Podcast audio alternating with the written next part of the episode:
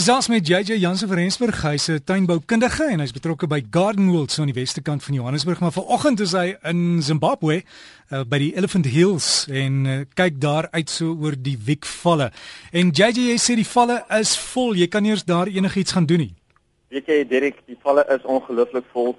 Dit lyk my Noord-Afrika het baie reën gehad want ek wil baie graag gaan whitewater rafting doen net maar hulle gesê nee, dit kan glad nie nou gedoen word nie want dit is net te vol dat die watervlak is net te hoog. Ja, en jy baie van die poele wat 'n mens kan gaan swem nader aan die valle aan die aan die rand van die valle soos jou Devil's Pool en so aan. Hy's ook heeltemal toe want die watervlak is hoog, die water sal jou meesleer. Ja, JJ en dan ook hulle het vandag 'n referendum in Zimbabwe. Hoe hoe lyk dinge daar? Dit is eintlik baie rustig. Ons was nogal heel bekommerd geweest dat daar so groot optogte of wat ook al gaan wees, maar dit is verskriklik rustig. Ek dink die mense weet nie eers van die referendum nie of hulle hou dit net baie stil. Ja, JJ Moss, praat oor tuin maak. Iemand het gesê ek moet jou vra oor die wit ruspus wat in van hulle hulle bolle is. Wat moet hulle doen? Ongelukkig ja, omtrent so 'n jaar of twee gelede het hierdie wit ruspus saam met van die nuwer variëteite agapanthus oorgekom en ja, nou versprei hy in al die verskillende agapanthusse in in jou amaryllisbolle in in jou clivius in oral in al daai verskillende bolplante. Maar mens kan natuurlik 'n uh, gewone cipermetrin doder gebruik. Jy kan iets soos jou noxworm of jou garden ripcord gebruik, maar ek verkies om eerder ietsie sistemies in te sit, ietsie wat jy die plant meer nat maak en dan word hy deur die plant geabsorbeer en hy hou ook baie langer. Hy's veiliger om te gebruik. Hierso praat ek nou van iets soos jou Kohinoor of jou Complete of selfs jou insecticide granules is mos die derde en die insekte korrels. Onthou meeste van daai produkte as mense dit neersit, dan hou hy enigiets van 2 tot 6 maande in die plant wat jy plant gaan skoonhou en al daai wurms gaan doodmaak. En JJ die ander dinge wat ons hierdie tyd van die jaar in Suid-Afrika moet doen, die seisoen verander, dis herfs. Die blare moet jy nie weggooi nie, jy moet kompos maak. Dis hy. Ons gaan bietjie later um, volgende week wat gaan ons gesels oor die kompos maak storie. Maar dit is net soos jy sê, die seisoen is besig om te draai en 'n mens moet eintlik nou baie mense hou daarvan om hulle eie plante van saad af te kweek. Laasweek het ek gepraat oor hoe mense dit doen. Maar hierdie week wil ek jou net vertel of net herinner, onthou dit is nou die tyd om jou saad te oes. As jy byvoorbeeld Groter sade is baie maklik om te oes, soos byvoorbeeld die Afrikanertjies en so aan. Maar onthou nie alle sade is baie maklik om te oes en maklik om te sien nie. Baie van jou sade is baie fyner. Dan moet jy mens letterlik gaan, jy moet daai blomknop wat nou net weggevrek het met jy vat as hy uitgedroog het en hom letterlik in 'n stukkie watte toe maak. Laat soos daai saad dan oop bars of wat ook al, laat dit hom in daai watte of in daai boksie kan opvang. Onthou baie jou saad moet droog gemaak wees voordat dit gestoor kan word voordat jy dit kan bære vir volgende seisoen.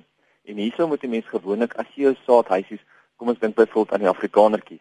As jy dit oopbreek en daar's so baie vog nog in die saad, moet jy hom net oopsprei op 'n stukkie krantpapier neerlê en dit miskien net ergens in die koelte neersit.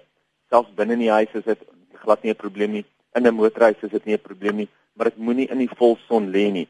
Baie keer dan vat mense net tomaties dan breek hulle net daai vleisgedeelte van die tomatie uit en hulle laat lê dit net so op 'n stukkie karton of op 'n stukkie krantpapier laat hy net so droog word.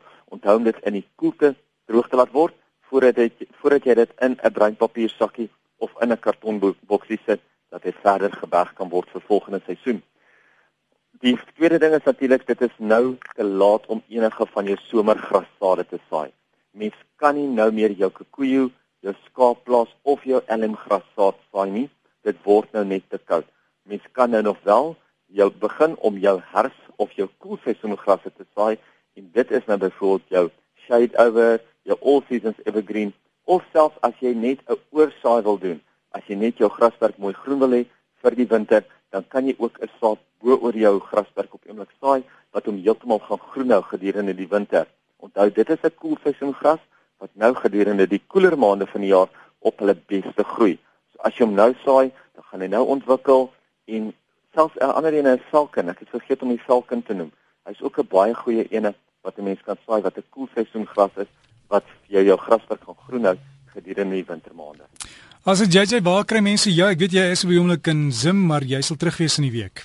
Dis hy. Hulle is welkom om vir my e-pos te stuur na jj@gardenwold toe. Net vinnig voordat ek vergeet, mense moet onthou om vinnig nog te bespreek vir Lizet Jonker, die Garden Diva en natuurlik Ellen Buff. Hy hulle gaan al twee twee praatjies by ons hou nou volgende week en die week daarna. Lizet Jonker, Garden Diva en Ellen Buff. Hy gaan bietjie praat oor mikroorganismes en mikroelemente en mense kan dit sommer by ons op ons webtuiste bespreek. So gesels ons met JJ Jansen van Rensburg en JJ koop stuur vir ons foto's van die wiekvalle wat so pragtig vol met die water is wat se oorval. En uh, JJ Jansen van Rensburg se e-pos is jj by gardenworld.co.za. Jj by gardenworld.co.za en die gesprek sal ook as 'n pot gooi in die komende week op ons webtuiste erisg.co.za beskikbaar wees.